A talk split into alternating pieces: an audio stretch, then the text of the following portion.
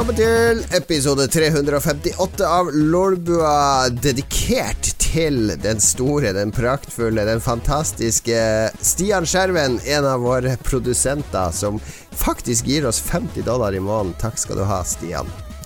Magisk. Magisk. Forrige uke så var det dedikert til Øystein Reinertsen, som vi ikke hadde fått med oss hadde blitt produsent, så vi oppkalte like godt episoden etter han. Så jeg håper det var en, et plaster på såret der.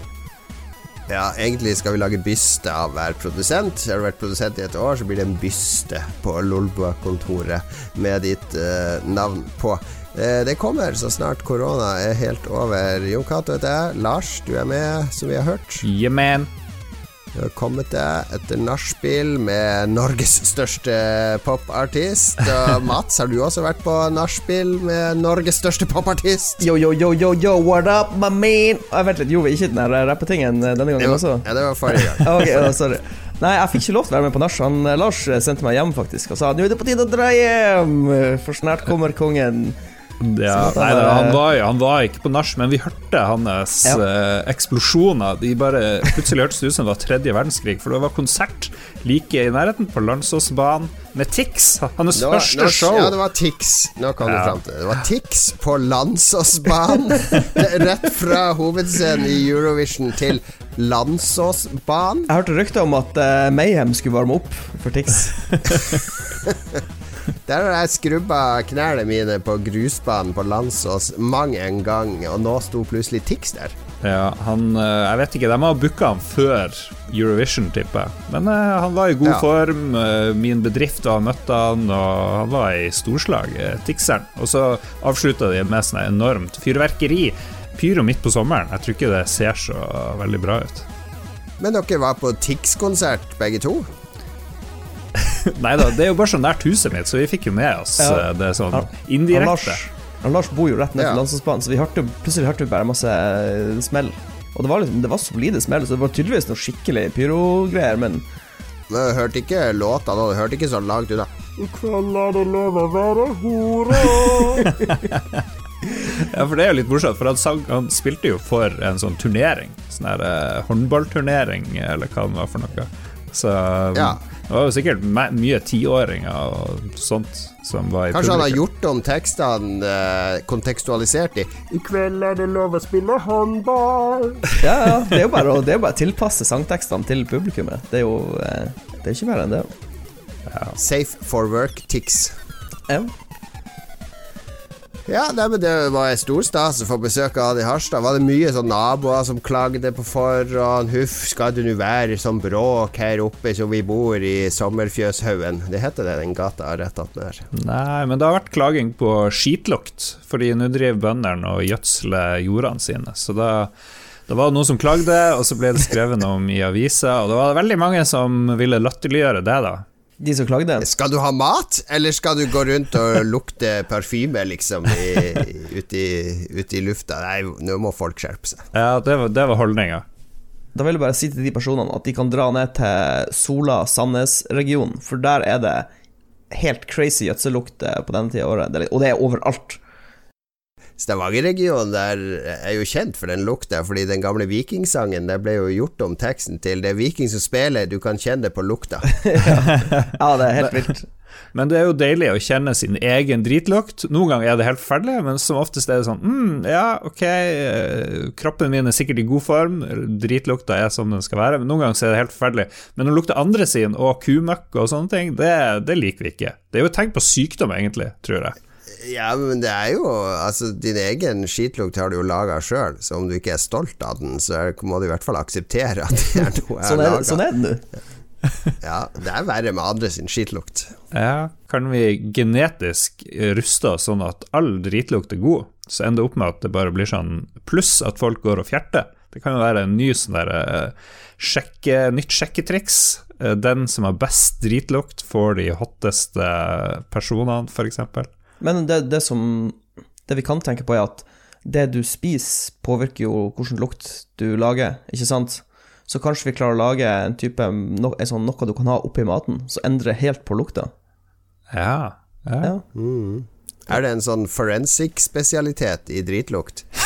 Vi har funnet bæsj fra den mistenkte massemorderen, så kommer forensic spesialist. En ung mann, 25 til 35, junkfood en gang i uka. Gjerne, gjerne litt, litt eh, IPA av og til. En litt shitty Dexter. Ei! Ja, ja, ja. The Shit Detective. Her har du De, de lager TV-serier av alt nå. The Shit Detective, Netflix, ring oss i Lolbua, vi fikser manus. Dritdetektiven som blir kalt inn i alle avføringssaker. Og noen som har smurt avføring på veggene. Vi ringer til Mats, The Shit Detective. Når ble det der, Mats? Det var okay. improvisert. Ja, men så lenge jeg får betalt, så er det greit. Ja, ja, ja. Kommer han med sin veltrente nese og identifiserer og profiler. All right. Et overskudd av energi i Lolbua, altså. Men eh, Tix eh, hva- Hadde noe mer å fortelle om Tix? Er det du som har intervjua han for eh, avisa di, eh, Lars? Nei, det var ikke jeg, så jeg, jeg har jo ikke brydd meg så mye om Tix. Syns ikke han var noe særlig, men han, jeg har liksom blitt litt mer fan. Selv om han virker litt stormannsgal og sånt, det bør det jo være hvis du skal være storstjerne. Så jeg, jeg, jeg tilgir han alt, og fikk selvfølgelig sympati da han drev og viste frem sine tics for hele verden i Eurovision. Så ja, all ære til tics, whatever. Men det er lurt Bedre å vise tics enn dicks. ja, men jeg ble veldig spent, fordi nå har Mats varsla at han skal snakke om For noen har varme hender, de kan heale, de kan gjøre syke friske, f.eks. Snåsamannen. Men noen har våte hender, og det lurer jeg veldig på hva er. Ja, ok. Hva er dette? Det er en slags minioppgjørets mini-oppgjørets time, for dette er en ting jeg har eh, lagt merke til. Dette har skjedd på flyplasser, på offentlig toalett. Hva er greia med folk som går på et offentlig toalett, gjør sin business, vasker hendene, og så tørker de ikke hendene. De bare går ut og tar på håndtaket og bare forlater, sånn at neste person som kommer, må ta i et sånn disgusting vått håndtak. Det, jeg jo, det skjer det er jo rent.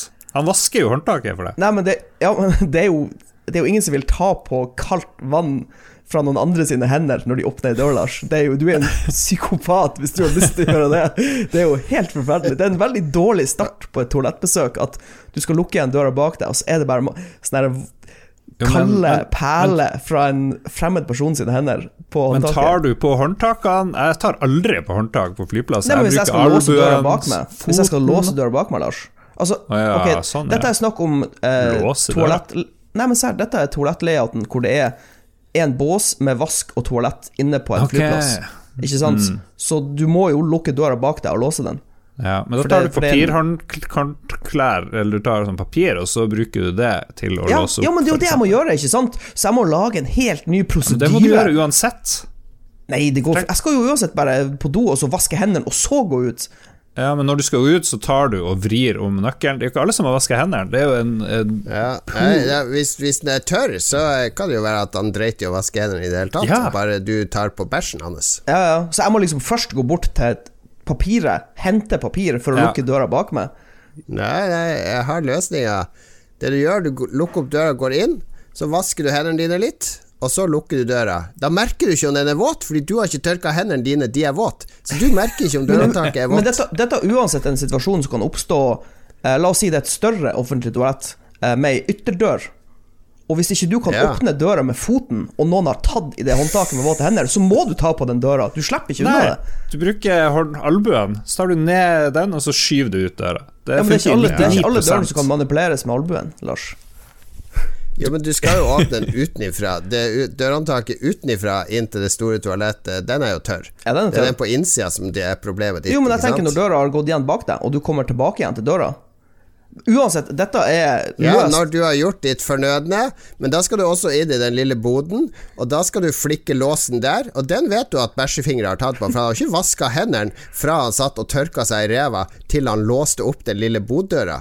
Jo, men- men det- der, men det- men det det vil jeg jo si er et større problem. Nei, nei, for det er ikke et problem, fordi uh, da er du inne i toalettprosessen. At, at, når jeg tar borti uh, et dørhåndtak på et offentlig toalett, og så går på do sjøl, så tar jeg meg ikke i ansiktet, for å si det sånn, for da vet jeg at da er fingrene mine korrupt. Men da, når jeg går bort til vasken etterpå og vasker hendene mine og skal forlate toalettet, da vil jeg ikke ha noen, noen disgusting våte håndtak å ta Nei, nei, nei. Men da, hvis du bare lar være å tørke hendene dine når du da skal ut, så merker du ikke at håndtaket er vått. Men og så egentlig- dytter du problemet til nestemann, som irriterer seg. Egentlig så kan dette løses med at alle dører ut fra offentlig toalett burde kunne åpnes med føttene. Det er egentlig som, det som er Det jeg vil fram til. For det er helt Ja. dust at du må ta i det med trenger vi dører der i det hele tatt?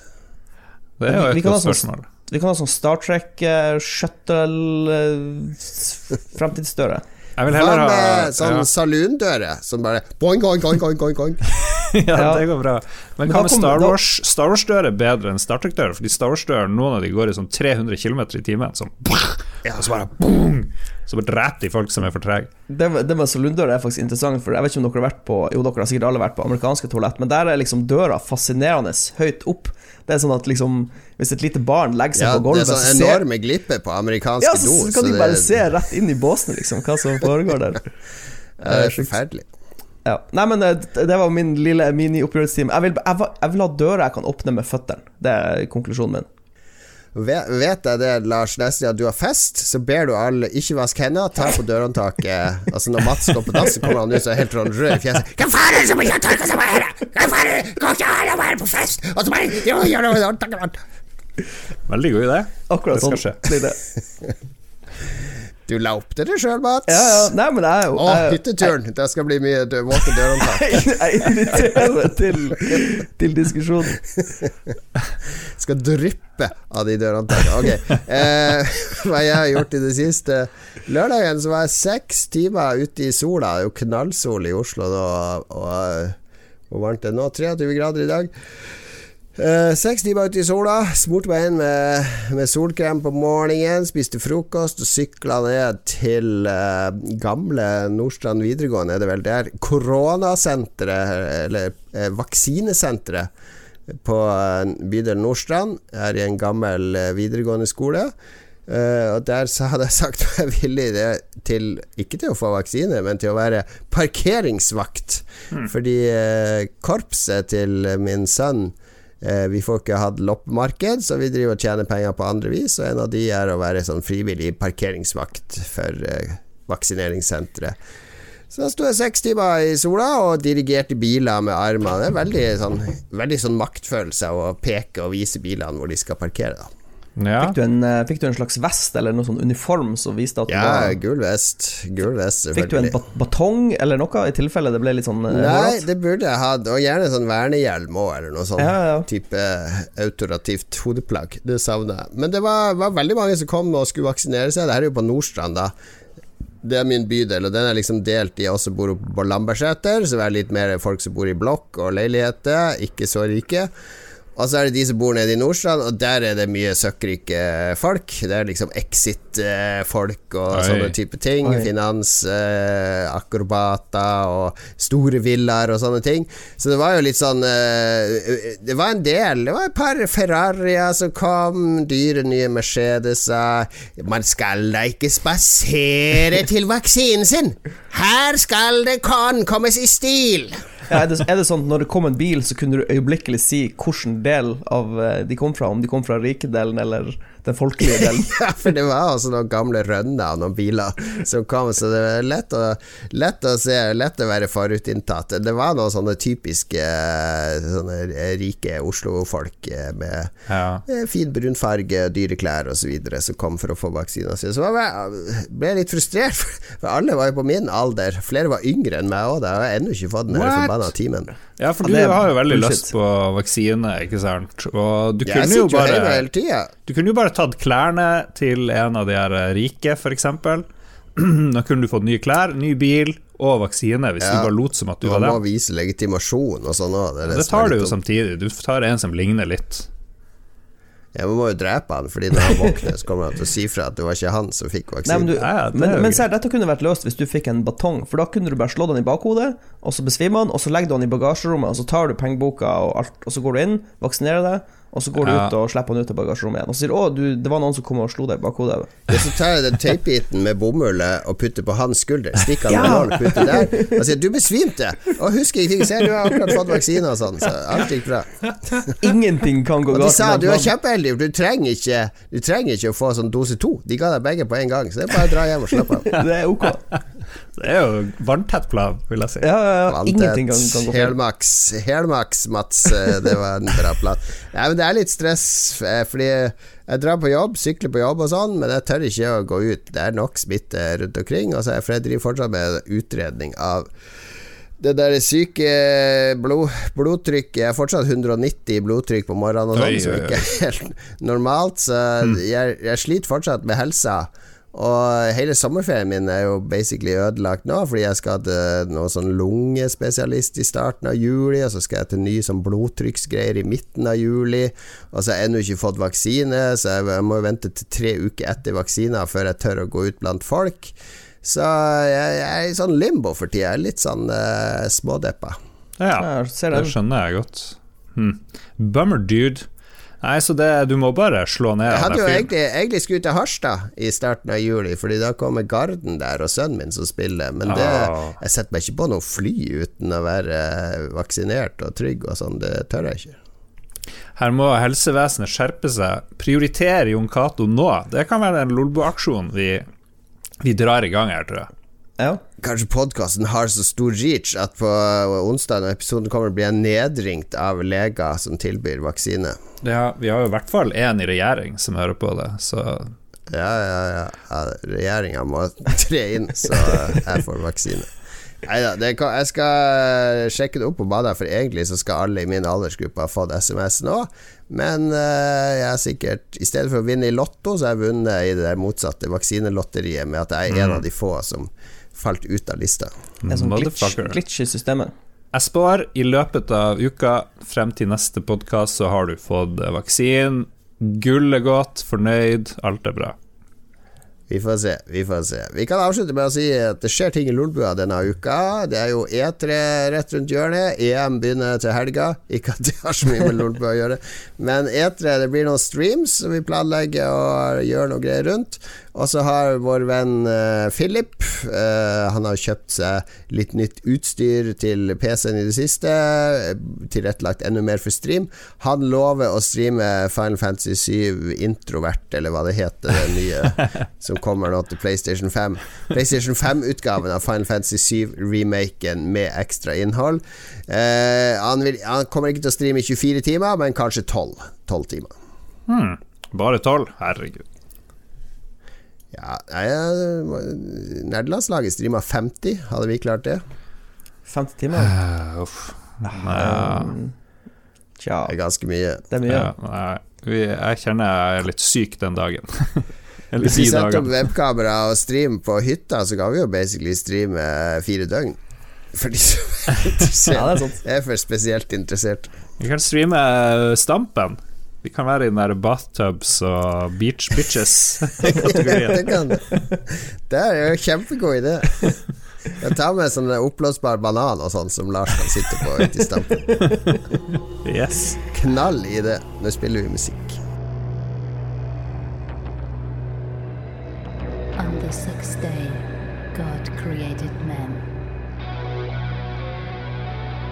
And on the seventh day, man created war.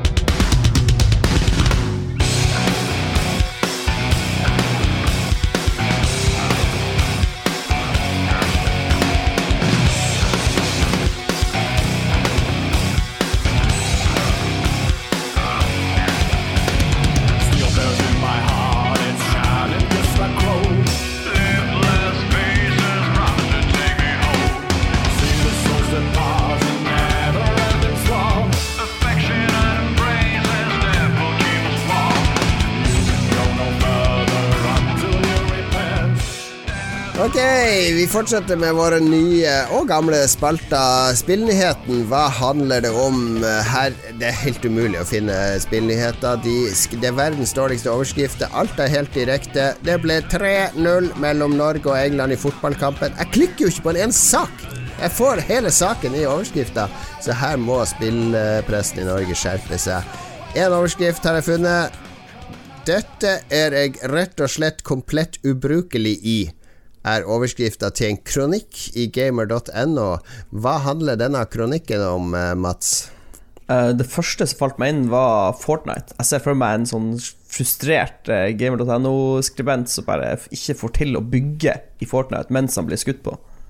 Ja, Ja. vi har jo prøvd å bygge i Fortnite. Det, er ganske, det var Det er for vanskelig. mye for langt fra oss. Ja. Jeg har, jeg har svaret. Det er å skrive gode overskrifter. Det kunne det vært, det kunne det vært. Uh, Gamer.no eh, er jo som de andre, skriver veldig direkte overskrifter. Man kan jo si at de er gode fordi de er informative. Jo, ja. To the point. mm, de er Ja. veldig flinke, faktisk. Hmm. Ja, er det noen andre forslag? Overskrifta er altså 'Dette er jeg rett og slett komplett ubrukelig i'. Er det, eh, har han prøvd å være sånn jordbærplukker på sånne norske gårder? For det, det, jeg så de fikk veldig eh, mye kritikk, de norske jordbærplukkerne. De er generelt ubrukelige der, ja. Ja, jeg tror han er skikkelig ubrukelig i å eh, skrive gode anmeldelser som tar uh, enslige menn, ufrivillig barnløse menn, på alvor, og fokuserer på, på hvor kjipt det er, da. Og at det er for mange kvinner i spill, det er han skikkelig dårlig. Det er en, en uh, fantasifull take, men det var ikke helt det. Nei, det er ganske enkelt. Altså, han uh, Michael Lønning, som har skrevet denne, han eh, eh, Jeg hadde en lang pause fra Overwatch. Jeg har ikke spilt det på et par år. Prøvde å spille det på nytt. Ble totalt overkjørt og knust og fikk kjeft fra laget sitt for at han var så ræva. Og så prøvde han seg på League of eh, Legends. Samme skjedde der. Han var så rusten at eh, han fikk litt kjeft fra laget sitt. Og så Konklusjonen er egentlig bare spill for å ha det gøy, da. Så det er en ganske rett fram kronikk om at man trenger ikke Ikke hør på. Skru av voicechat hvis folk eh, forventer at du skal være verdensmester. Ja. ja, spesielt i sånne toxic spill sånn som League of Legends og Dota og sånn. Hvis du gjør noe feil der, så får du, får, da får du høre det fra laget ditt. Det er Ja, det er jo noe jeg kjenner meg igjen i, for jeg vil jo ikke Jeg er jo ikke verdens beste spiller, så jeg, jeg kvier meg litt for å spille med randoms i sånne spill der eh, det ofte er litt eh, prestasjoner. Jeg har, fremdeles, eh, jeg har fremdeles flashbacks til da jeg spilte det der eh, Rockstar sitt bordtennisspill på Xbox eh, 360, eh, og det kom sånn her tiåring og bare You suck! You suck! Ja, for dess, dessverre, når det er voice over IP i et spill, så er det fort gjort at det blir toxic, syns jeg det føles som. I hvert fall når det er Ja. på tvers av laget og, ja, og innad i ditt eget lag, egentlig også. Det er mulig det var Michael Jackson jeg spilte problem mot.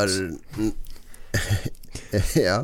Jeg har ikke noe problem når jeg er solo, ikke sant? for da er det bare jeg som taper. Men hvis jeg blir slengt inn på et lag, og folk bare Ok, folkens, nå må vi holde, holde formasjon, pass på døra der, og så feiler jeg, liksom. Det, jeg orker ikke det. Ja. det Og så er det jo det spes Jeg tror det er spesielt når det er spill hvor det ikke er så mange på laget, ikke sant? Sånn som Overwatch og League of Legends, Ja. hvor du har sånn fire-fem stykker på laget. Så kanskje har du en vital rolle, på en måte, og så feiler du på den rolla. Da, da blir det så tydelig at det, at det er noe du Ja, har gjort som er feil. Men hvis det er et, større lag, sånn som Battlefield, hvor det er 20 pluss spillere på hvert lag, så forsvinner du litt inn i mengden, liksom. Det er ikke så kritisk hvis du dør. Ja, og Battlefield og, der, og, og Warzone, for eksempel. Jeg forventer ingenting hvis jeg teamer opp med randoms. Jeg Nei. forventer å bli teama opp med idioter. Ja. Og så blir jeg positivt overraska hvis det er folk som vet hva de gjør, og tar vare på hverandre. Mens uh, i, for eksempel, ja, i andre spill så er det litt sånn Det er på en måte en høyere kvalitet på de som spiller, Ja. om det er lov å si. Og så tror jeg litt har, har å si òg at eh, i Battle Royale-spill så forventer man ikke å, å vinne hver gang. Mens hvis det er ett lag Nei. mot ett lag, så tror jeg folk forventer å vinne. Nå skal vi vinne, liksom. Så man blir litt sånn Mm. satt inn i den mentaliteten, tror jeg. Ja, ja, ja. I mangel av gode overskrifter hos Game Reactor og Pressfire, så har jeg heller bladd litt i anmeldelsene fra det siste halve året og henta fram konklusjonen fra to anmeldelser. Skal vi se om dere klarer å finne ut hvilket spill er det som er anmeldt. Eh, Vi begynner med Game Reactor, som har anmeldt et spill, og der eh, i siste avsnitt av anmeldelsen så står det følgende. Det er såpass mye bra innhold her, og jeg må si at sluttpartiet i historien virkelig er noe for seg selv.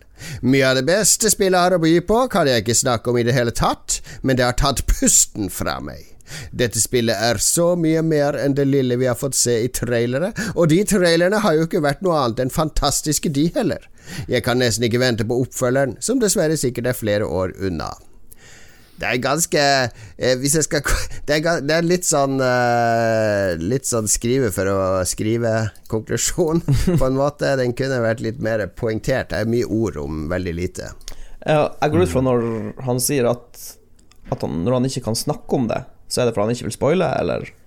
Ja, ja, ja. Han Ja, okay, kan ja. jo selvfølgelig snakke om det, men han vil ikke snakke om det. Jeg skjønner. Det er vel en, en god presisjon. Uh, men kan- altså, det er et spill som vi har, vi har fått sett mye av i trailere, eller hatt forventninger til fra trailere. Trailerne har vært fantastiske. Det kommer antagelig en oppfølger. Mm. Sluttpartiet er veldig bra, og det er historiebasert. Ved å bruke eliminasjonsmetoden, så kan jeg si at det ikke er biomutant, for det har jeg gjennomført. Ja, ja. det er bra, det kommer vi til senere. Mitt gjett var jo biomutant, men da tror jeg det er Mass Effect Legendary Edition. Det har de sikkert anmeldt nå, og det er en sånn de har det, det var- surprise uh, i ett oh, av de tre spillene. Kanskje er det Andromeda? Mass Effect Andromeda? Nei, det er ikke det. Det er ikke det. Nei, det, det Nei, ikke... det var ikke så mye hint der. Det er rett og slett Resident Evil 8, eller Ah. Village, som det heter. Ok.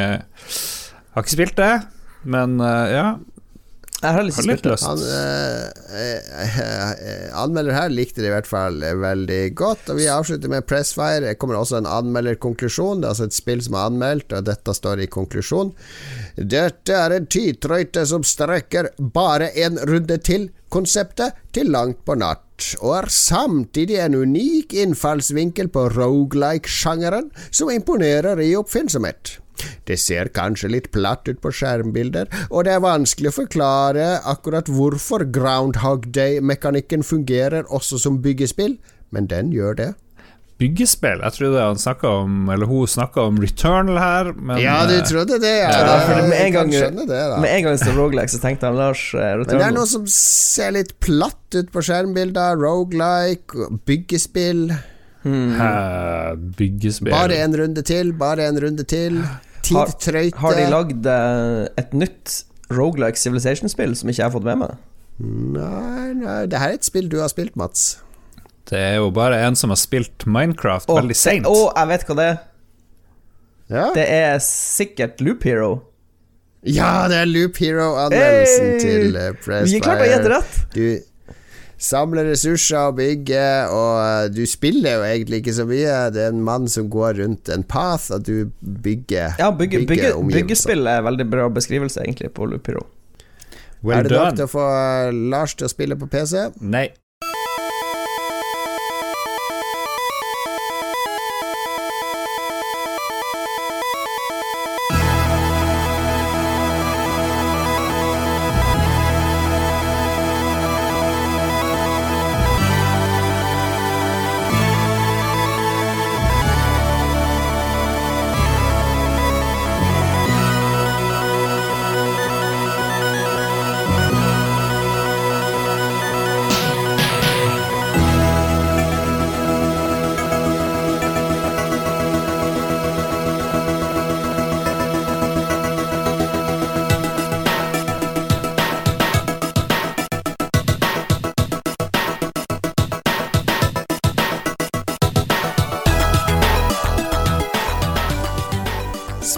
Spillhistorie 101, husker dere den? Spalten som jeg lagde rett før jeg ble sjuk?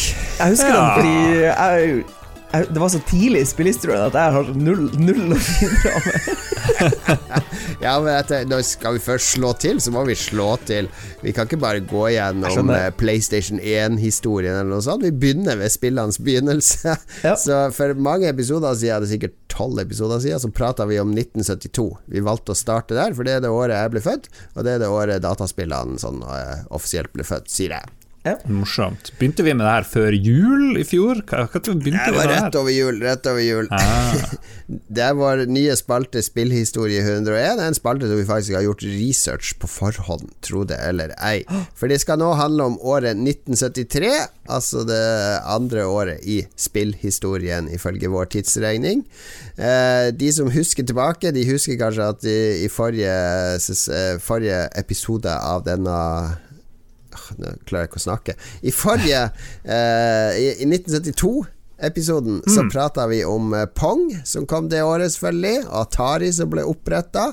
Og den første hjemmekonsollen kom også det året, nemlig Magnavox Odyssey. Eh, altså ikke en konsoll der du kan bytte ut spill, men en Pong-basert konsoll. Som bare spilte Pong. Og nå er året kommet til 1973, og det skjer ting fort nå, ikke sant? Fordi den arkadebransjen, der ser mange at her skjer det ting. Her, her, dette er det etterspørsel etter. Pong åpna døra her, eh, så det kommer masse arkademaskiner, og selskaper opprettes for å lage arkademaskiner. Eh, I Japan alene så Konami etablerer seg dette året. Konami Industry Corporation Limited. eh, de eksisterte før det òg, men da drev de bare med jukebox-reparasjon og distribusjon av jukeboxer til eh, japanske barer. Nå begynner de med arkadehallmaskiner. Uh, Hudson Soft etableres. Uh, de er mest kjent for Bomberman, men var en stor aktør på 80-tallet innen japanske spill. Taito etableres, eh, også en stor japansk aktør etter hvert. Og Sega begynner å lage Pong-kloner for arkademarkedet, så man kan trygt si at nå er liksom startskuddet i gang. Eh, nå, nå begynner den japanske, i hvert fall, eh, spillindustrien å våkne. Det er litt absurd å tenke at eh, i 73, før meg og Mats var født, du er ett år gammel, så er, det, så er spillindustrien det først der det begynte. For, det, det, for meg så var det jo spill fra jeg var født av, egentlig. Eh, Så jeg tenkte at ja ja, det har nå vært eksistert F lenge, men det var liksom ikke Det er jo ikke så gammel form. Film har eksistert ganske lenge, TV har eksistert lenge, bøker har eksistert en million år, teater, kjempegammelt, men spill er jo veldig, veldig nytt. Ja. Ja, altså vi har jo vokst opp med et medie i, i utvikling, fra å være nesten ingenting til å, til å utvikle seg stort. Tenk hvis du viser noen Red Dead Redemption 2 eh, til en person på slutten av 70-tallet. Dette var hva, de der prikkene du spiller nå, kommer til å være om noen år. Det er jo ingen som hadde trodd på det. Ja, ja, for spillmediet er jo det som er mest avhengig av teknologi, vil jeg si. Så, I hvert fall sammenlignet med film og musikk og bøker. Så er jo Ja. spill trenger teknologi for å fungere. He- Helt klart. Hvor mye teknologi, det er en annen uh, debatt. Uh, for man kan fortsatt lage god, en god uh, film med ganske billig utstyr. Og man kan fortsatt lage godt spill med ganske lave systemkrav, ikke sant? Ja, absolutt. Men men det, det har liksom vært en parallell modningsprosess med teknologi og spilluttrykk. Eh, definitivt. Nei, masse japanere. Og så er det jo til og med første, for første gang så er det en sånn eh, liste over de mest solgte arkadespillene i USA. Altså arkadekabinettene. Ikke overraskende er det Pong på topp, men det som er litt morsomt med denne lista, er jo at halvparten av topp ti er tennisspill. Altså Pong-varianter. Og så er det fotballspill, og så er det tre hockeyspill. Så det, det er ganske, ganske enspora hva folk får til å lage på denne tida. Det er basically en prikk og noen streker. Altså, om det er hockey eller tennis eller fotball, det spiller ikke så mye rolle. Hvis du, hvis du maler eh, fotballbane på kabinettet, så blir pongspillet til et fotballspill. Ja, det er liksom Hva er sånn det her eh, ja. Hva er det her Empire? Det virker litt spennende. eh, Sånn banebrytende spill. Ja, for det er også tenkt at vi skal snakke litt om i denne spalten, er spillinnovasjoner som kom dette året. Og eh, det var jo Altså, utfordringa med å lage disse arkademaskinene er jo at det er ofte ren elektronikk, ikke sant. Det er jo kretskort med litt chipper og resistorer, og etter hvert eh, får du noen mer avanserte funksjoner, mikroprosessorer, som gjør at du kan lage mer avanserte spill. Mens i parallelt med dette så skjedde det jo på universitetsmiljøet, der folk hadde tilgang til datamaskiner og bitte litt lagringsplass, og etter hvert tastaturer og mulige type input. Altså, vi, vi går jo tross alt fra Sånne eh, korthullmaskiner som du må programmere med digre kort med hull i, som du dytter inn, til eh, grensesnitt og skjermer. Og eh, på universitetet i uh, Iowa, på Iowa State, så var det en som heter John Daleske, som uh, Der det var datamaskiner i nettverk som lagde et nettverksspill Uh, som het Empire. Han lagde tre versjoner av det dette året, og den tredje versjonen Altså Det er basically en network multiplayer arena shooter basert på Star Trek. Der du kan ha syv lag med eh, flere spillere på hvert lag, som styrer hvert sitt romskip på et stort kart. Og så kan man skyte ut missiler, da må du taste inn vinkelen for missilen, altså 78 grader osv. Og, så videre, og så beregnes det fart og om den treffer osv.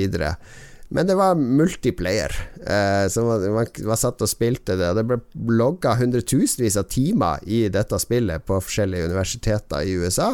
Så det ble Det var relativt populært. Det fikk jo aldri noen distribusjon, men det, det er eh, det, Ja. Vi kjenner jo X-pilot, som ble Ja. til i det norske universitetsmiljøet, ikke sant. Det, det har skjedd ting her i, som ikke kanskje er så mye framme i spillhistorien.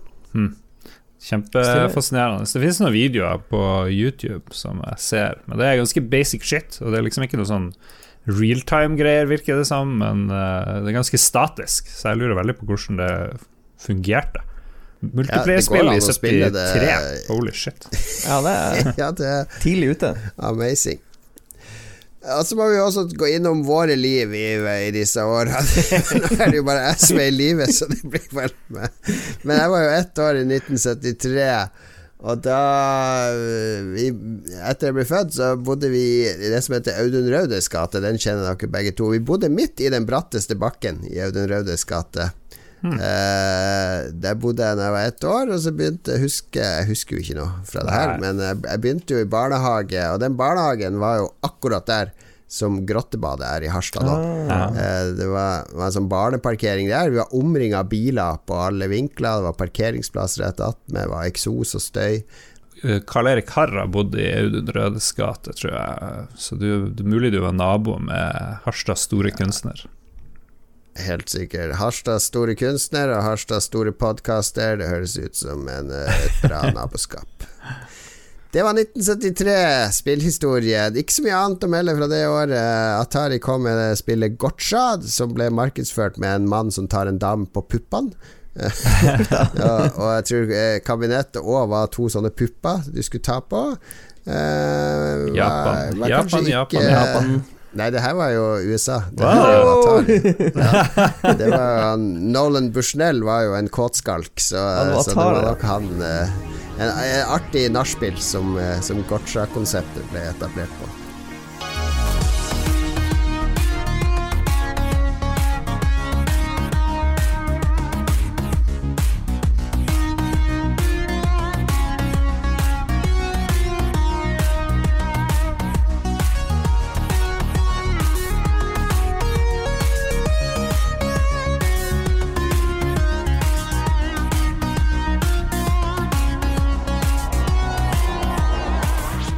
Hva har vi spilt siden sist? Karer, endelig kan vi snakke om det vi har spilt de siste to ukene, Lars. Ja, Ratchet var- Clank is there. Ratchet Clank! Ja, ja. Oh, jeg må si det, det begynte jo ikke så veldig bra for min del, fordi Og det er jo litt urettferdig, fordi review-koden var ikke helt uh, på plass. Det, det, det her er 60 frames-greia kom i går, var det det, Jon Cato? Ja. Her er, her er greia, hvis du skal spille Ratchet, så det her må du gjøre før du spiller. Det første du gjør, er å laste ned Day One-patchen. Hvis du har det digitalt, så blir jo den lasta ned, men den må du laste ned. Fordi da, da får du eh, to nye sånne modes, visuelle modes. Den ene heter Performance RT, som er performance mode med litt rate racing. Og en heter bare Performance, som er performance mode med høyere oppløsning, men uten rate racing. Fordi hvis du spiller det i den vanlige modusen, som er 4K full rate-racing, så er det 30 frames i sekundet.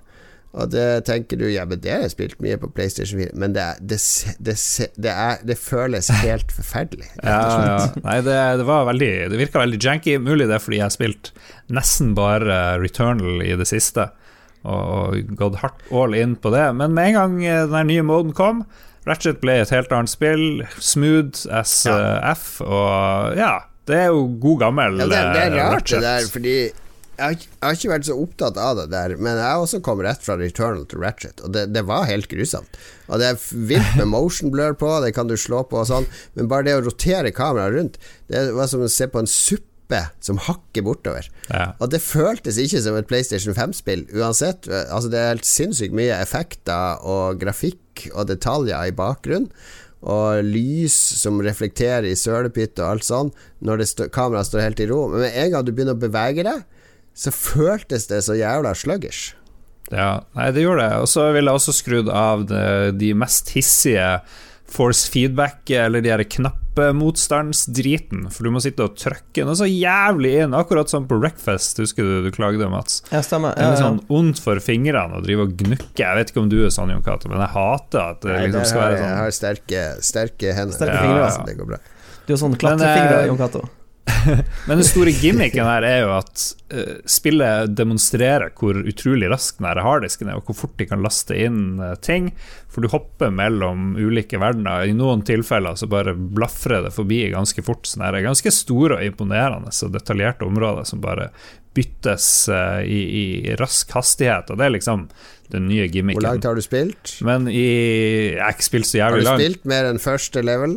nei, nei, nei, jeg har spilt som vanlig ja, litt mer enn ti minutter, men ikke så mye mer. Men på meg så virker det som et ganske Jeg må arrestere det her. Det her må få masse klippejobb å gjøre. Fordi Ja. det I første level så er det regissert sånn at du liksom hopper mellom masse dimensjoner, men det er ganske regissert og on rails. Det er ikke Ja, noe sånn exploring eller frihet. Og etter det så er ikke den funksjonen brukt i det hele tatt.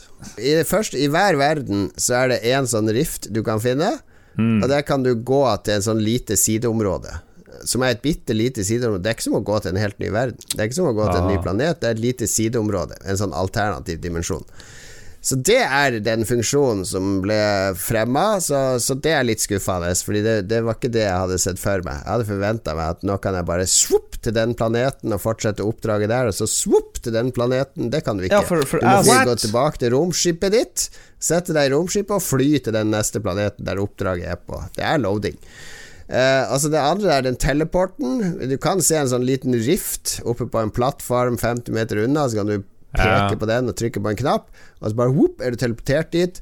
Det er Det Det er, jo basically artig. det samme som at du bruker en hookshot eller noe sånt, bare at de flytter deg dit instantaneously og har en grafikkeffekt. Ja. Sånn, det, sånn teknisk sett så er det ingenting som imponerer med det, men det, det er en kul variant på hookshoten.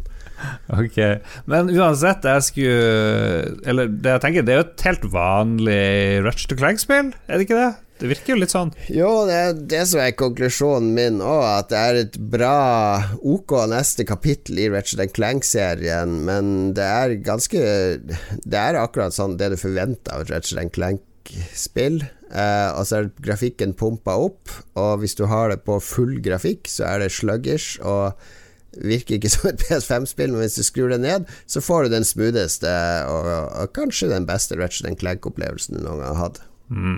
Men det ser jo smashing ut, da. Det ser jo sinnssykt Ja da, bra det ser, ser bra ut, uh, men det er ikke så jeg, jeg, Egentlig så misliker jeg spillet ganske mye. Det ser bra ut, men det ser uryddig ut. Altså, det er, det er for mye grafikk, det er for mye effekter. Uh, problemet mitt med Ratchet, det har vært i, i alle år, er at det er et middelmådig plattformspill og et middelmådig actionspill som ser bra ut. Sånn at eh, skal du ha veldig kul action, skyting, som det er mye av i Ratchet, så er Returnal mye bedre. Skal du ha veldig kul plattformspill, så er Super Mario eh, Bowsers Fury mye bedre. Fordi de spiller på sjangeren sine styrker i mye større grad enn Ratchet, som er en slags kompromiss mellom action og plattform. Det er litt sånn action, plattformspill uten noe reell utforsking. Du bare går der spillet leder deg hele tida, eh, med ganske enkel plattforming. Eh, og det er skytespill som også er uten noen sånn reell utfordring, og altfor uoversiktlig. Altså Når det kommer 10-12 fiender også, Det er så mye farger, ikke sant? Vanlige spill de bruker Spilldesign er å bruke farger for å differensiere fiender mot bakgrunn osv. Ja, det jeg skjønner jeg ikke realistisk, men det, spill skal ikke være det. De skal bruke spillet sin styrke til å gi deg gode opplevelser. Ja. Nei, jeg er helt enig. Det, det la jeg merke til. Først i starten, når du er Ratchet blir hylla i en sånn seremoni hvor han skal liksom gå gjennom historien og store øyeblikk han har vært med på i en sånn parade eh, som flyr.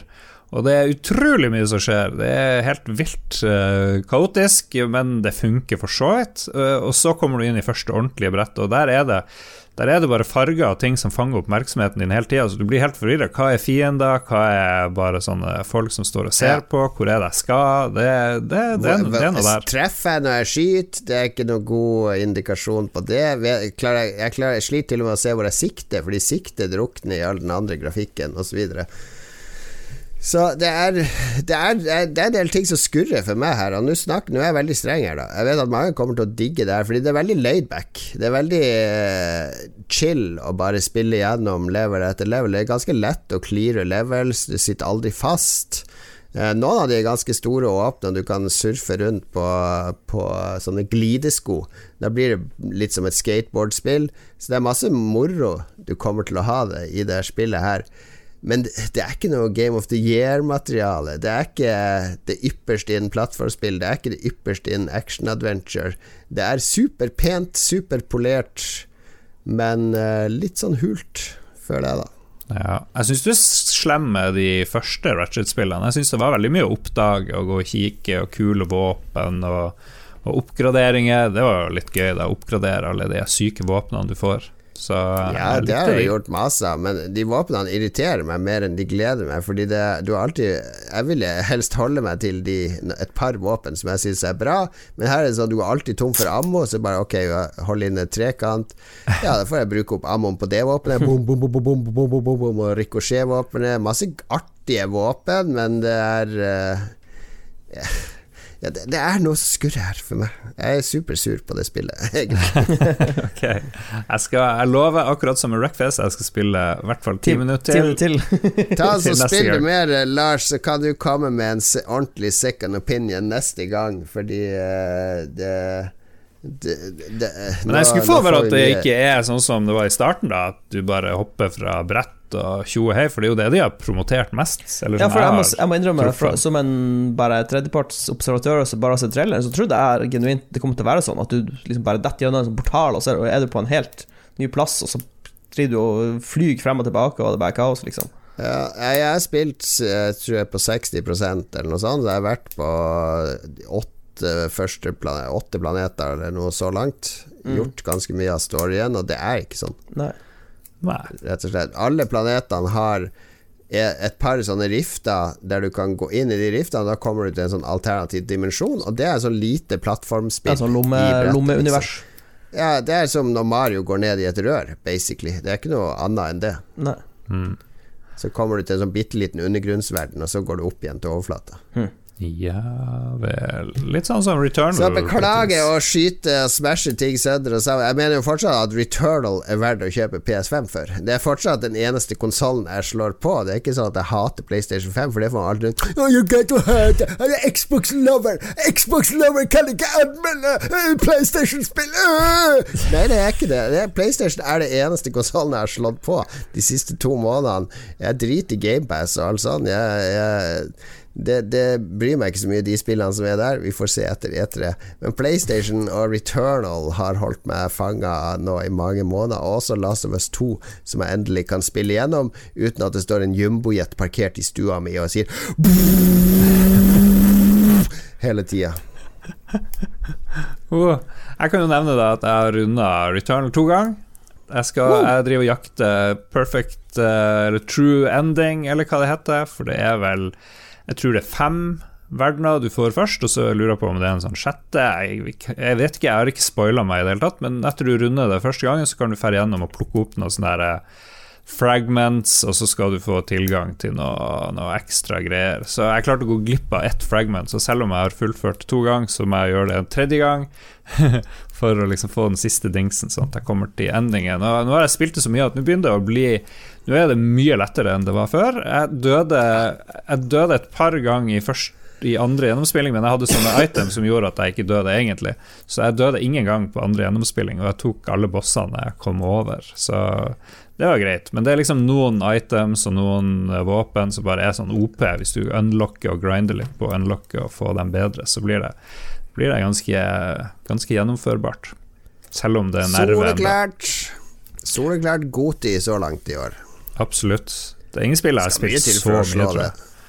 Nei, det skal mye til for å slå Returnal for min del. Og Mats, da. Du, endelig Ja. så har du lekt deg med biomutantene. Jeg, jeg har spilt det som definitivt ikke er god til 2021. Fikk litt middelmådig kritikk, Ja. men eh, både du og vår venn Frank var litt sånn nysgjerrig. Mm, det, det burde jo være et eller annet her. Ja, ja altså, jeg så, jeg så de trailerne, og så syns jeg det fenga veldig. Det så, det så pent ut, og det så kult ut. eh. Så tenkte jeg faen heller, eh, jeg driter i at jeg har fått litt uh, mixed eh, tilbakemeldinger, så jeg kjøpte det på Steam Yeah. og spilte gjennom det. Uh, det Og det heter Biomutant, svenskutvikla, og hva, hva er plott der? Hva er det det går ut på? Enkelt og greit så går det ut på at uh, du spiller en liten, sånn et lite vesen. Sånn her eh, rotte, katte, ulveaktig vesen. Som skal prøve å redde verden, fordi det er et sånn eh, Det er livets tre som eh, gir liv til verden du lever i, som blir angrepet av noe sånn monster. Det er fire sånne svære røtter og fire svære monster som du må drepe for å redde verden. Og så kan du alliere deg med forskjellige stammer rundt omkring i verden og, og bevege deg gjennom verden og ta den ene bossen etter den andre. Så på papiret så høres det ganske ålreit ut. Det er en stor, åpen verden, fin grafikk, kampsystem og greier, men dessverre så drukner det i eh, rotete greier. Altså, det er um, Vi kan ta det bra først, som, som jeg nevnte. Det, det flyter veldig bra. Det er bra performance. I hvert fall på min PC. På PC er det Jeg har lest på internett at på konsoll så går det ikke så bra, men på PC så fløyt det veldig bra. Solid uh, framerate. Uh, veldig smidig og fint. Uh, det er fin grafikk, Ja. fin verden. Eh, kult terreng. Kule modeller på eh, karakteren du spiller, og fiendene, osv., osv. Uh, det er sånn er, det, har det noe egenart, grafikken, eller ser det ut som hvilket som helst annet litt sånn halvrealistisk åpen verdensspill? Um, det har litt egenarta grafikk. Det er veldig sånn her eh, det, det, det ligger litt historie bak, fordi den verden du bor på og lever i, har åpenbart tilhørt mennesker før de her dyrene tok over. Ja. Så det er vel, en veldig sånn overgrodd, eh, forlatt verden som har blitt tatt over av dyrene. Så, og det syns jeg de Byg, det, er- byg, bygd på ruinene av menneskeheten, ja, rett og slett. Og det, det fungerer veldig bra. Uh, men Ja. det er ikke noe sånn superunik grafikk. Det er det ikke. Det er litt unikt med de her uh, Du får sånne tegneserier, kapow og pow når du slåss, og vesenene er kanskje litt uh, unike, men ikke noe sånn superbanebrytende. Eh, og Ja. så er det en sånn fortellerstemme som snakker til deg hele tida mens du spiller, og den, den fungerer til tider, men han er der hele tida, og hver gang du snakker med noen i spillet, så snakker de først med sånn gibberish, så bare er sånne her lyder, og så kommer han og oversetter for deg. Og det er konstant gjennom hele spillet. Så du blir litt Simultanoversetting. Ja, nettopp. Og det som var um, Det bør nevnes at uh, når jeg begynte å spille gjennom det, så var det um, Dette ble patcha etter noen dager, heldigvis. Uh, men da var den der gibberish-biten, før han begynte å oversette, varte så lenge. Det var sånne, det var bare Det varte bare evig med sånn tulleprat, og så kom han og sa hva som faktisk ble sagt. Og det har de heldigvis korta veldig ned på nå, så du slipper ikke å høre så mye av det der gibberish-greien før du blir fortalt hva som faktisk blir sagt. Eh, Og det er det positive. Resten er negativt. så det er Mitt store problem er um, eh, Du har um, Du har utrolig sjenerøse sånn eh, hitboxer i kamp på fiendene og på deg sjøl. Altså, de er så upresise.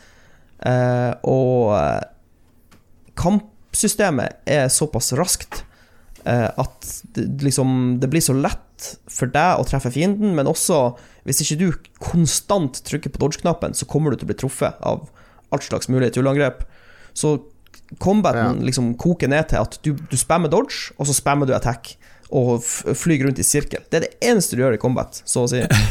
Eh, så det blir veldig ensformig veldig fort. Eh, Men det må jo være noe du har likt godt siden Eller en del ting du har likt godt siden du har fullført det. Ja, altså, eh, for å gi For å gi det et poeng, For å gi det et poeng så er det et syv av ti-spill. Det, det er helt ålreit, men jeg ville aldri brukt 660 kroner på å kjøpe dette spillet. Det er det ikke verdt på noen som helst måte. Eh, og så er det ganske Det er dårlig inventory-system. Eh, det er sånn typisk konsoll-inventory-system hvor det er en million undermenyer og forskjellige systemer du skal gå inn på. Perks, eh, mutasjoner, sånne side Men herregud, powers. du kan jo ikke gi et spill du ikke anbefaler i det hele tatt, syv av ti. Det betyr jo at det er ganske ok, gjør det ikke det? Ja, det er jo, det er jo bra. Ok, og da, da justerer vi ned til fem av ti. Anbefales ikke. Altså, eh, men eh, Ikke for å henge meg opp i tall, men eh, den der, eh, det har fått veldig sånn Det har fått nesten sånn 50-50 på positive og negative reviews. Og det vil jeg si stemmer Ja. ganske bra. Det er midt på Altså, jeg kan ikke anbefale dette spillet eh, sånn som det er nå. Men Jeg liker jo trepoengsskalaen. Styr unna, eh, greit tidsfordriv, eller dette bør du spille. ja. Så du vil legge det i greit tidsfordriv? Nei, faktisk ikke. Jeg vil si styr unna. Sånn som spillet nå, så er det styr unna. Fordi det er for mange negativer som ikke Altså, det positive veier ikke opp for det negative, sånn som det er nå. Hva må, opp, hva må til for at et spill får under fem av ti? jeg, var, jeg var ikke ferdig med å liste opp de negative tingene. Ikke, Lars? Ja, liste opp, Liste opp. Ja. Ok, det er et sånn dark og light-system. Eh, Du har bokstavelig talt en sånn engel og djevel som dukker opp eh, på visse nivåer i spillet, og eh, snakker og er sykt irriterende basert på hvilke valg du gjør. Skal vi redde noen, skal vi ikke redde dem? Og det er bare så unødvendig, og hver gang Altså, jeg glemmer av at de er der, helt til de dukker opp igjen. Så er det bare sånn Å nei, de igjen. Eh, det kunne de spart seg for, det kunne de kutta. Eh, mange, mange plasser rundt på kartet Så er det sånn hazard-områder hvor det er Du har fem liksom, elementer som du kan få bygge opp motstand mot. Og for å trygt navigere i de områdene, så må du samle en sånn drakt som du må ta på deg for å kunne gå rundt i de områdene. Og det er bare Det er så clunky og idiotisk at det kunne de også spart seg for. Eh, alle de fire verdensbossene som du knuser, de er ligner veldig på hverandre i hvordan bossfighten er. Eh, og de fleste av dem, før du slåss med dem, så må du bygge en sånn spesiell bil eller et eller annet for å kunne få lov til å slåss mot dem. Og det som da skjer, er at da bruker du ikke våpnene og egenskapene som du har bygd opp gjennom spillet. Du bruker egenskapene til den bilen, som bare er for den fighten til den bossen. Så det tar bort hele det der RPG-systemet med å gå opp i levels, få kule våpen, for du ender opp med å ikke bruke de våpnene mot bossen, som er helt megadust. Så det er, det er mye rare valg, rett og slett, i spillet. Og det er derfor det er styr unna, og fem av ti eh, ikke kjøp dette spillet. Det er bra. Lars, det, det er, vi, har ikke tid til den diskusjonen om hva som er under fem av ti. Okay, Ok, ok, la, la oss bare Altså Det er synd, fordi Biomutant er Det har ting som fungerer, som Lars sier. Altså Jeg spilte tross alt gjennom det. Jeg brukte ti timer på å spille gjennom det. Fordi Såpass, ja. Ja, altså, det, det er um, det, det er noe sjarmerende med å ødelegge combat-systemet i et spill. For det er noen våpenkombinasjoner som er super-OP, og det er ganske morsomt når du, Ja. når du får de til, da. Jeg føler hvis de, hvis de tighter opp combat-hitboxene, tweaker de her bossfightene litt, kanskje tillater deg å bruke ditt eget utstyr, eh, så kan vi begynne å snakke. Men sånn som det er nå, så er det Ja, det er litt slitsomt til tider. Så jeg kan, jeg kan ikke med god samvittighet anbefale det. Og så må jeg, kan jeg altså jeg korrigere Nå sitter sikkert folk og hamrer løs på sinte Ratchet Clank-mails, men det er, det er som en sånn summer blockbuster-film, ikke sant? Kjempe det, det kommer til å treffe mange som vil lene seg tilbake og ligge i sofaen og chille med Ratchet Clank og kose seg maks. Men det er ikke noe spill du kommer til å huske til jul, eller som kommer til å være med i Oscar-utdelinga, eller som som blir den der skjellsettende spillet som virkelig kommer til å være med deg, opplevelse om ti år. Men det er en det er summer blockbuster-spill. Eh, har du PlayStation 5, så tror jeg de fleste PlayStation 5-eiere kommer til å spille det. Og, det dere kommer til å kose dere. Helt sikkert. Disclaimer, er det det det heter?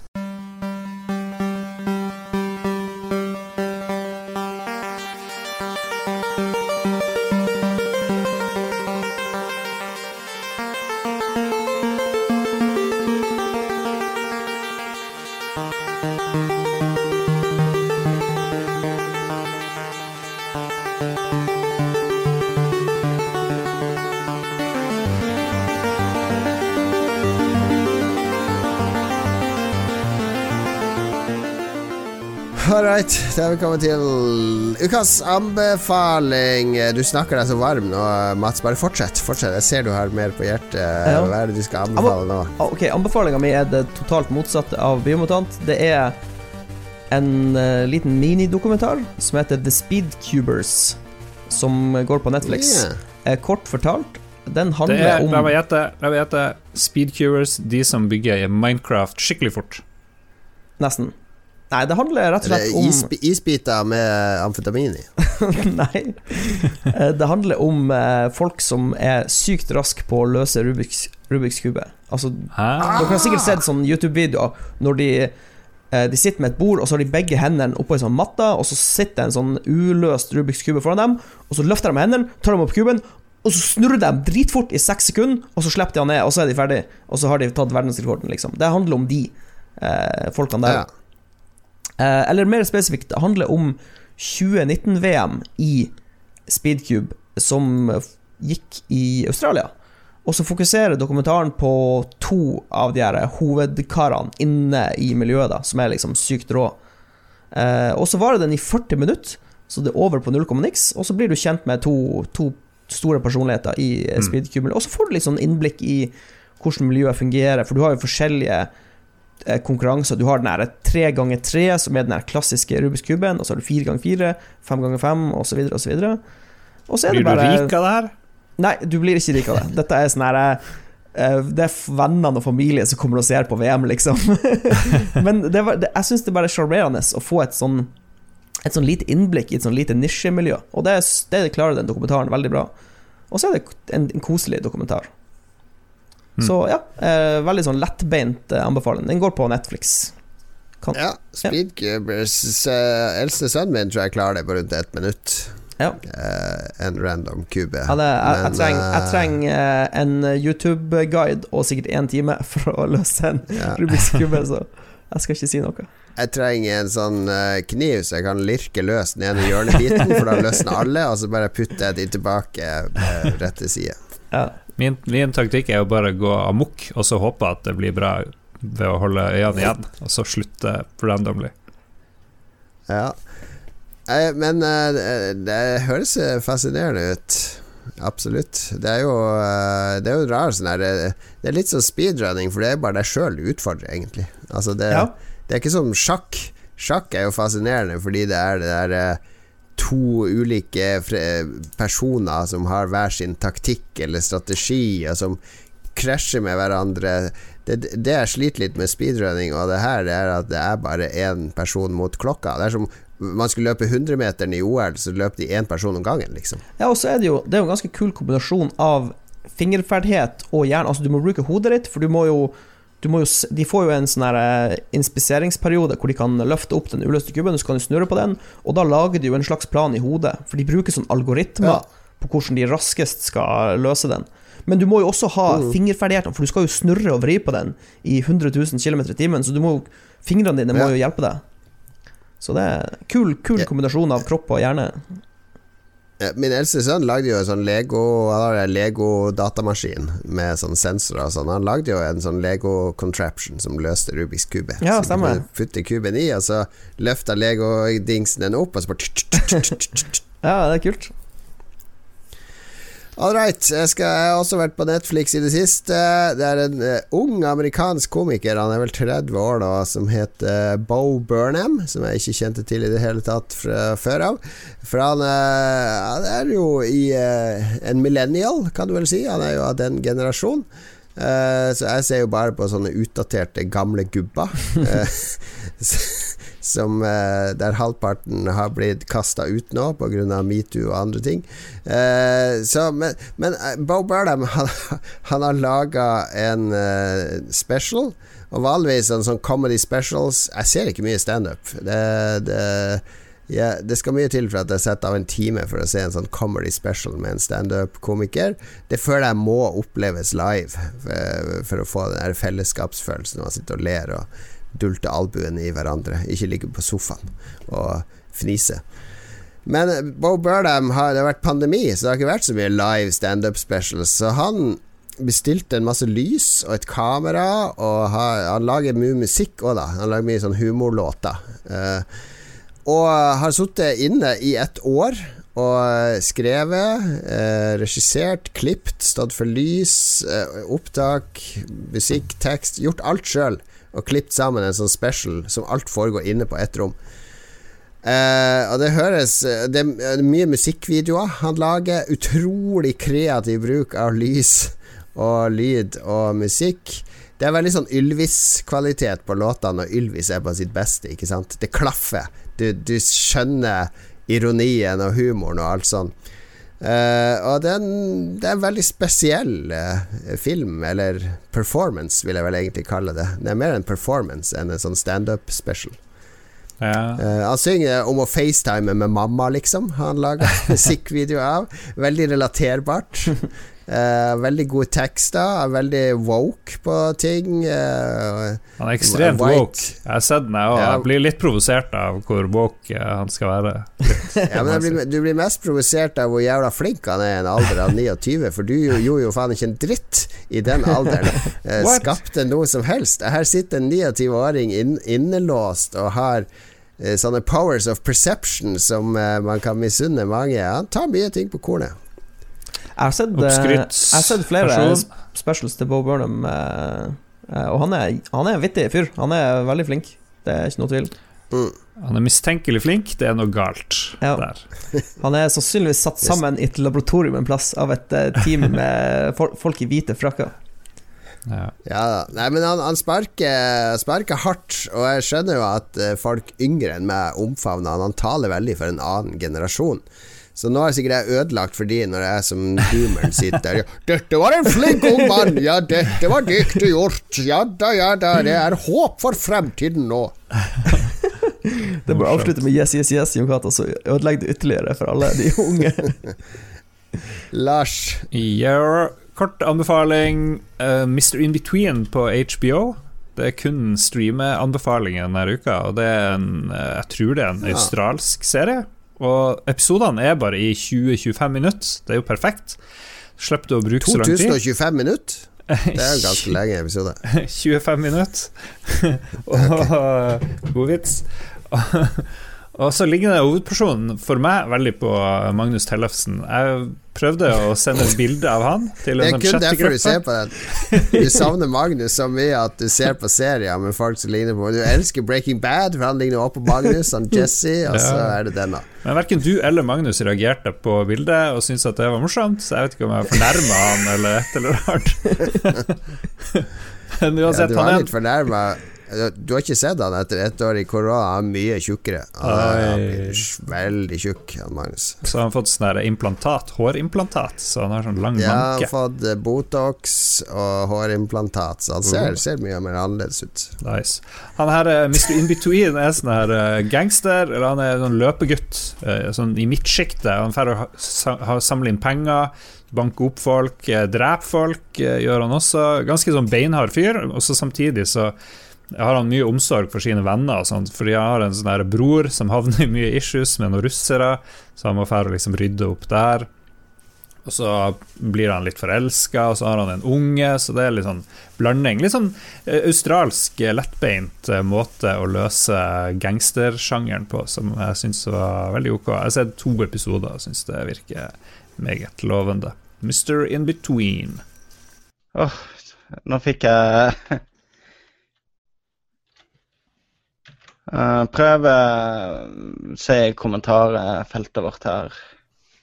Da var vi ved veis ende, men vi har en del Vi har ikke spurt lytterne om innspill eh, for en gangs skyld, fordi vi har så mye eh, restemat fra tidligere lytterinnspill.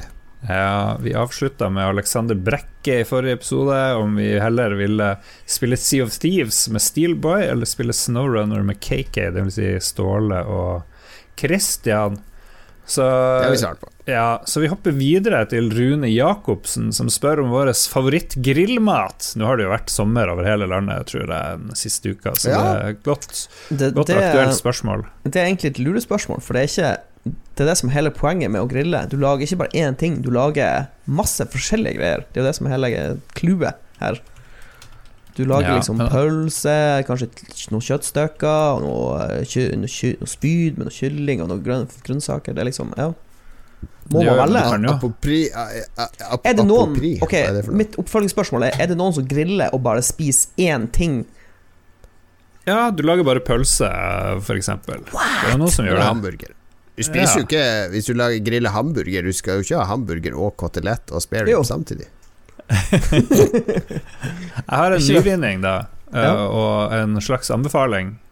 Jeg kjøpte på den dårligste butikken i Harstad, Coop eh, Extra på Sama. Hadde veldig lite grillmat, så jeg bare tenkte fuck it, jeg tar noe som sikkert er helt ferdig, bare sånn på gøy. Og da kjøpte jeg vegetarburger lagd av sopp. Og- Lars, kjøpte grillmaten sin som en vits. Så det er helt oppriktig. Og kanskje var det fordi jeg hadde så lite forventninger, men jeg syns det var helt smashing. Og så like etterpå, av en eller annen grunn, så dukka det opp en sak på Reddit om at eh, de som spiser to sopp om dagen, har 50% lavere sjanse for kreft. Det var sånn tidlig stadieforskning, og det, man skal ikke stole på sånne her kreftnews, egentlig. Men jeg tror eh, sopp, sopp er fremtida, folkens. Skal kun spise soppbrød, sopp, eh, melk og sånt. Men Sopp er jo veldig spesielt, fordi vegetarianere, eller veganere, er jo veldig uenige om de kan spise det eller ikke. Fordi Nei. sopp er jo ikke en plante.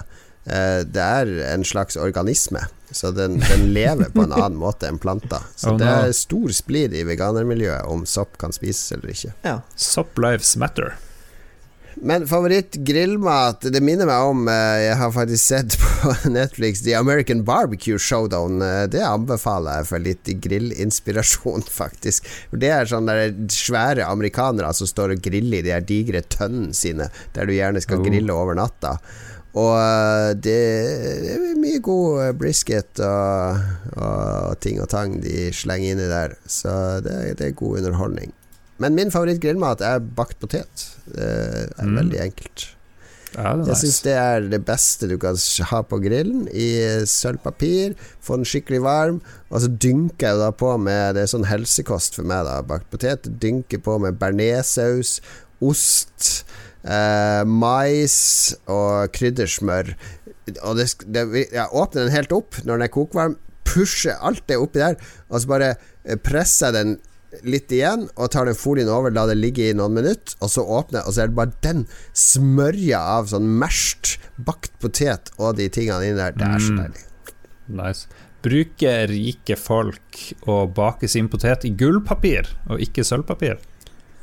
Ja, det har jeg hørt rykter om. Men eh, da, din favoritt, er det da den vegetarburgeren, da? Sopp, soppburgeren. Lars? Ja, etter ti minutter med soppburger, så Du lever og dør med soppburgeren. Ja, Yeah. ja, ja.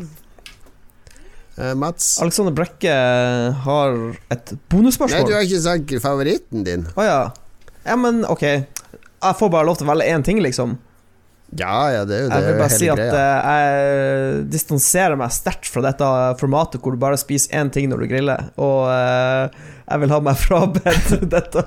Men ok, hvis jeg bare kan ta én ting når jeg griller, så må det bli uh, et eh, kjøttstykke. Altså en, en filet av noe med, noe med noe god rub på, eh, og saftig Saftig eh, Saftig rødt kjøtt. Oh.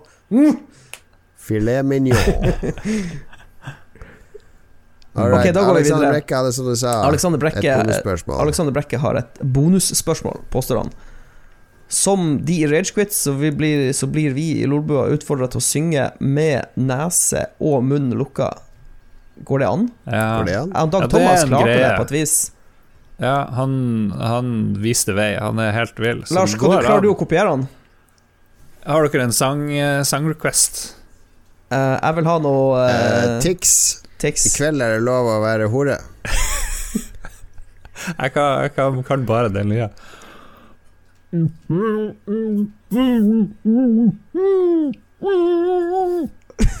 Ja, Det var det jeg gikk jo på et vis. På Vi- Vi hørte, vi hørte hva du sa. Går det an å synge inni seg? Ja, det er med litt trening så går det faktisk an. Du må lage mye luft og plass inni der og sånt.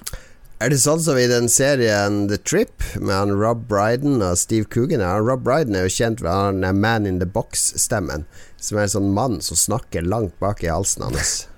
Jeg vet ikke om dere har sett det. Det, det høres helt sprøtt ut. Det, han åpner bare munnen, og så hører du langt tilbake her er en sånn kar som prater hele tiden. Sjukt.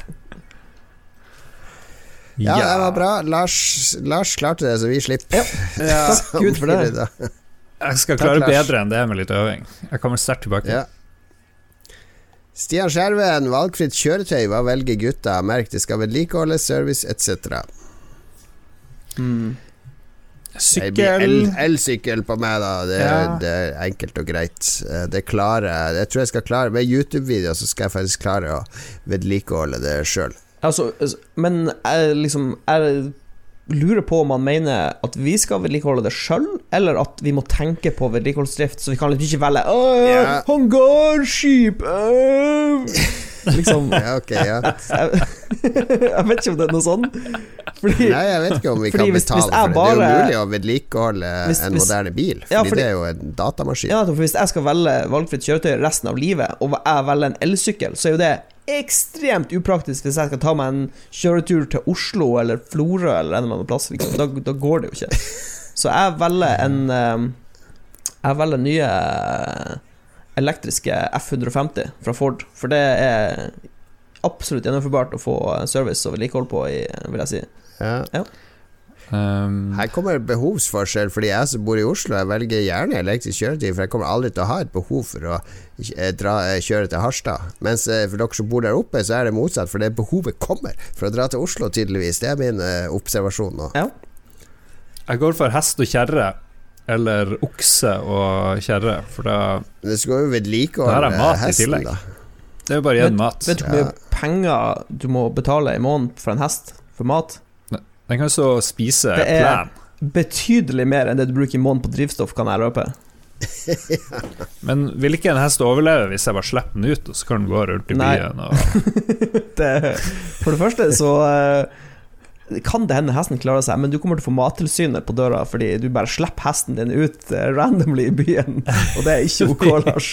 Det er ikke sånn du har hestehold Du må ha, stall, du må ha stallplass, okay, okay. du må ha, vet, du må ha veterinær, du må ha mat Altså, du kommer til å betale så mye i Det måneden. starter et Formel 1-løp i Baku eh, om et par minutter. Ah, shit. Ja, Okay, ja. Ok, da setter vi strek, så får vi ta resten av eh, innspillene neste gang. Takk til alle som har sendt inn innspill. Eh, Alle, alle blir hørt til slutt. Uh, vi avslutter episoden der. Takk for at du hører på. Hvis du har forslag til nye spalter, så ta med. Vi har en veldig god idé til tyverispalten, der vi skal stjele spalter fra andre podkaster, og så prøve de i vår podkast, og så gi de terningkast. Jeg liker det. Eh, for å se hvor bra det er. Men det, det Vet du hvorfor jeg ikke har satt i gang den?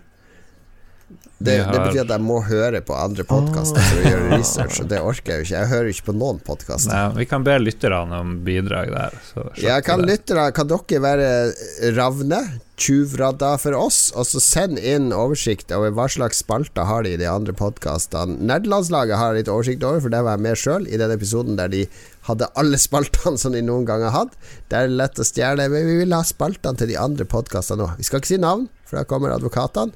Bare hør på de andre podkastene, og så vil vi ha alle spaltene de har, sånn at vi kan teste de eh, i vår podkast. Ellers må vi takke produsentene. Yeah. Mats, har du kontroll TTM på eksempel. produsentene? Kobrakar84, Duke Jarlsberg, oh. Annebeth, oh. Jarl Pedersen, vår nye produsent Stian Skjerven, og Øystein Reinersen, som også er vår nye Nei. produsent. Det er Stian Skjermen er ikke så ny, men Øystein Reinertsen Ok. kjempeny. Men det er Stian Skjermen vi hyller i denne sånn det. episoden. Beklager. Ja, si hva er det beste med Stian Skjerven, Lars? Han eh, har Ferrari og kjører eh, gamle damer til og fra butikken. Det er litt sånn slit å få inn varene, for det er så lite bagasjerom, og så er det veldig vanskelig å sette seg i sånn lav bil. Men Stian Skjerven, er en kjernekar på alle områder, og veldig Ikke så veldig rik, men han har brukt alle pengene han har på Ferrari, så det, det er kult. Og Lolbua. Og hva er forbedringspotensialet til Stian, Mats? Um, forbedringspotensialet? Jeg tenker han må få seg noen andre initialer, for det er veldig uheldig å ha SS som eh, Han må få seg et mellomnavn. Et nytt mellomnavn. Ja, Og det må ikke være Arne, for da blir det SS. Da Ja. blir det bare, bare rot. Han kan ha noe på M, han kan hete Mats, så blir det SMS. Så blir det liksom Ja. morsomt. Eh, morsom Er det. SOS? Stian eh, Olav Skjerven. SOS! Ålreit. Takk skal du ha, Stian, for at du er med og bidrar. Du kan også bidra. Bare gå på patrion.com slash lolbua. Nå står de klar med det rutete flagget i eh, Baku. Vi skal benke oss foran skjermen og heie frem uh, Masipin får for the win! Det er det det chantes fra Lolbuas tribune akkurat nå. Takk for at du hører på. Ha det bra! Ha det bra. Tusen takk til alle som hører på, og absolutt alle, ikke bare produsenter, men alle som støtter oss på Patreon. Vi elsker alle.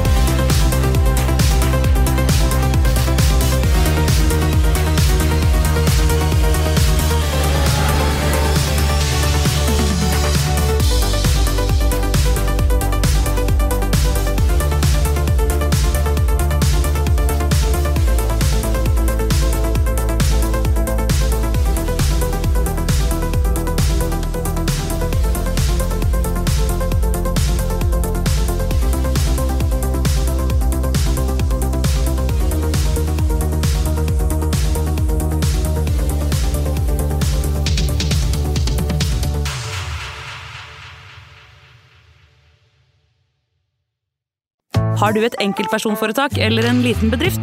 Da er du sikkert lei av å høre meg snakke om hvor enkelt det er med kvitteringer og bilag i fiken, så vi eh, gir oss her, vi. Fordi vi liker enkelt. Fiken superenkelt regnskap.